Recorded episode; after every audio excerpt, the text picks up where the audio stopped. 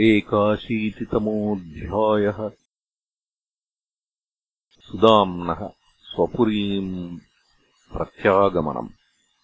तत्र भगवद्दत्तमैश्वर्यमुपलभ्य भगवद्वात्सल्यगुणगानम् श्रीशुक उवाच। स इत्थम् द्विजमुख्येन सह सङ्कथयन् हरिः।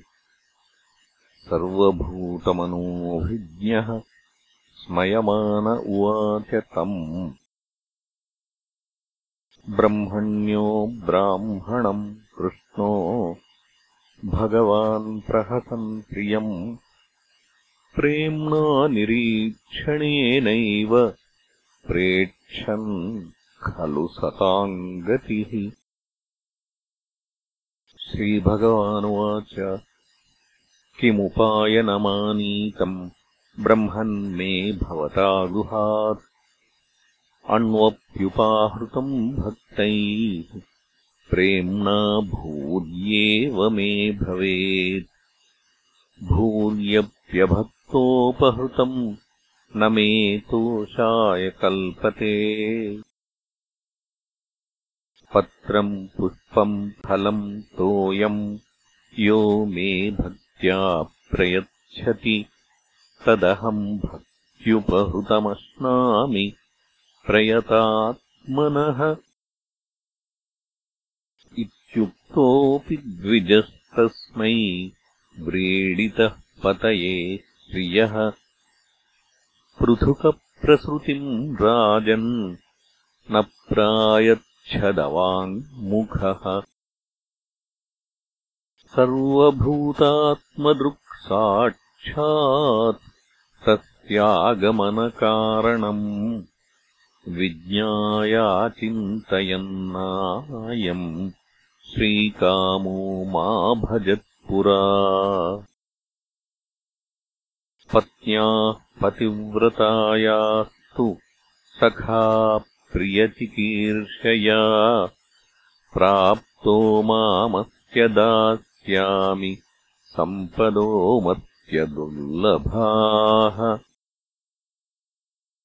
इत्थम् विचिन्त्यवसनाच्चिरबद्धान् द्विजन्मनः स्वयम् जहार किमिदमिति पृथुकतण्डुलान् नन्वेतदुपनीतम् मे परमप्रीणनम् सखे। तर्पयन्त्यङ्गमाम् विश्वमेते पृथुकतण्डुलाः। इति मुष्टिम् सकृज्जग्ध्वा द्वितीयाम् जग्धुमाददे तावत् श्रीर्जगृहे हस्तम् तत्परा परमेष्ठिनः। एतावतालम् विश्वात्मन् सर्वसम्पत्समुद्धये। अस्मिन्लोकेऽथवामुष्मिन् पुंसस्त्वत्तोषकारणम्। ब्राह्मणस्तान्तु रजनीमुषित्वा च्युतमन्दिरे भुक्त्वा पीत्वा सुखम् मेने ह्यात्मानम् स्वर्गतम् यथा। स्वोभूते विश्वभावेन स्वसुखेनाभिवन्दितः। जगामस्वालयम् तात पथ्यनुव्रज्यनन्दितः स चालब्ध्वा धनम् कृष्णान्न तु याचितवान् स्वयम्। स्वगृहान् व्रीडितो गच्छन् महद्दर्शननिर्वृतः।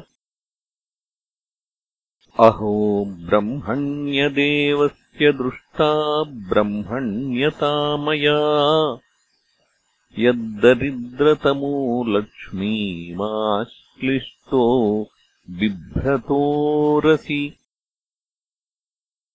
क्वाहम् दरिद्रः पापीयान्। क्व कृष्णः श्रीनिकेतनः।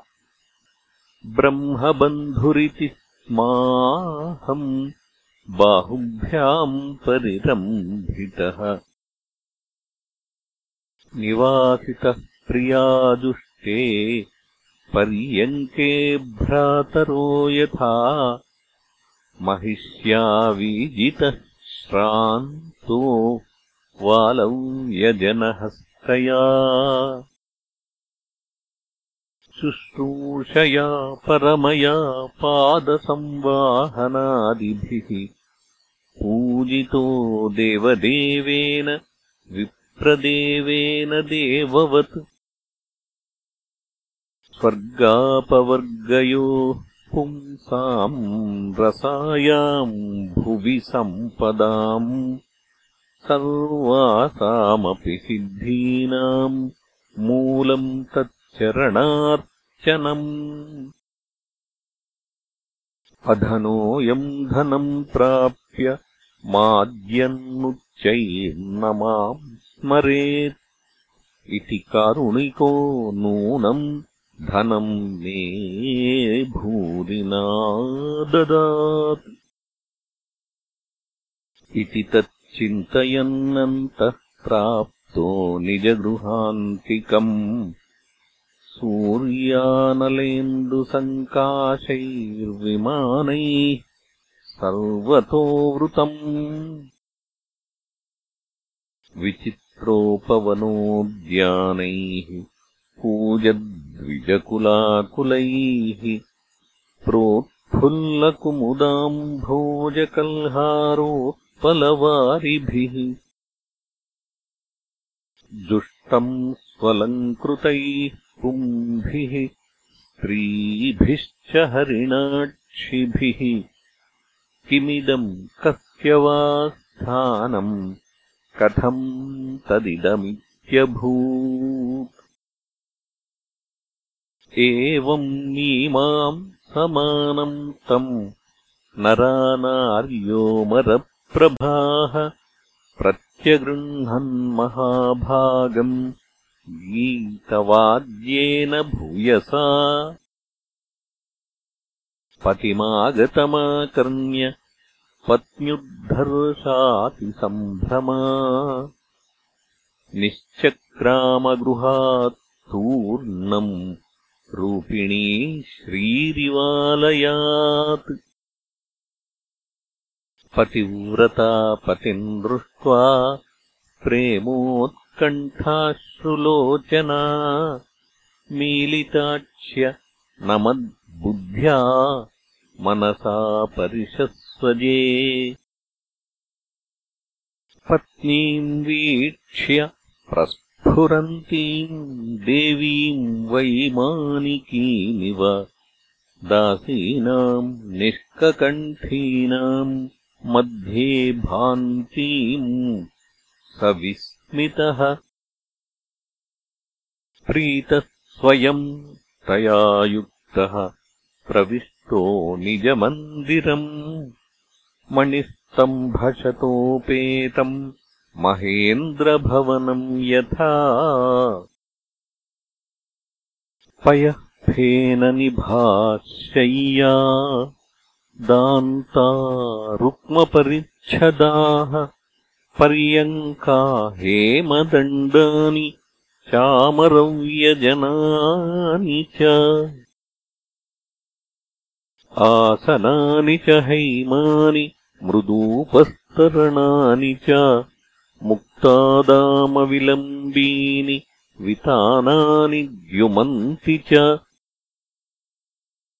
स्वच्छस्फटिककुड्येषु महामारकतेषु च रत्नदीपाभ्राजमाना ललनारत्नसंयुताः विलोक्य ब्राह्मणस्तत्र समृद्धीः सर्वसम्पदाम् तर्कयामास निर्व्यग्रह स्वसमृद्धिमहैतुकीम् नूनम् बतैतन्मम दुर्भगस्य शश्वद्दरिद्रस्य समृद्धिहेतुः महाविभूतेरवलोकतोऽन्यो नैवोपपद्येत यदूत्तमस्य नन्वब्रुवाणो दिशते समक्षम्। याचिष्णवे भूर्यपि भूरिभोजः। पर्जन्यवत्तत् स्वयमीक्षमाणो। दाशार्हकाणावृषभः सखा मे। किञ्चित्करोत्युर्वपि यत् स्वदत्तम् सुहृत्कृतम् फल्गुवपि भूरिकारी मयोपनीताम् पृथुकैकमुष्टिम् प्रत्यग्रहीत् प्रीतियुतो महात्मा। तस्यैव मे सौहृदसख्यमैत्री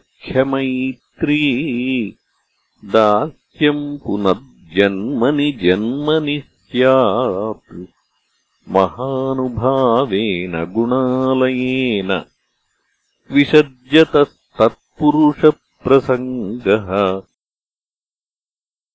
भक्ताय चित्रा भगवान् हि सम्पदो राज्यम् विभूतिर्न समर्थयत्यजः।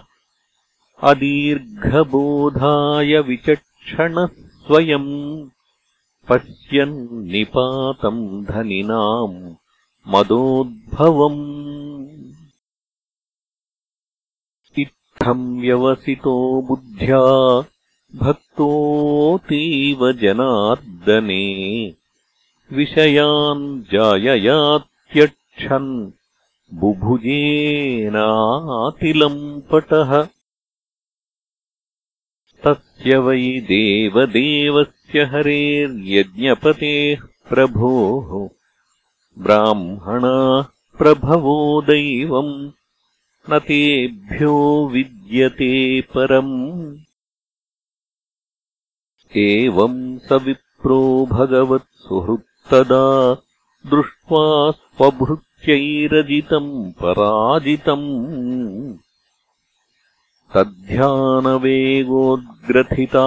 तद्ध्यानवेगोद्ग्रथितात्मबन्धनः तद्धामलेभे चिरतः सताम् गतिम् एतद्ब्रह्मण्यदेवस्य श्रुत्वा ब्रह्मण्यताम् नरः लब्धभावो भगवति कर्मबन्धात् विमुच्यते। इति श्रीमद्भागवते महापुराणे पारमहंस्याम् संहितायाम् दशमस्कन्धे उत्तरार्धे एकाशीतितमोऽध्यायः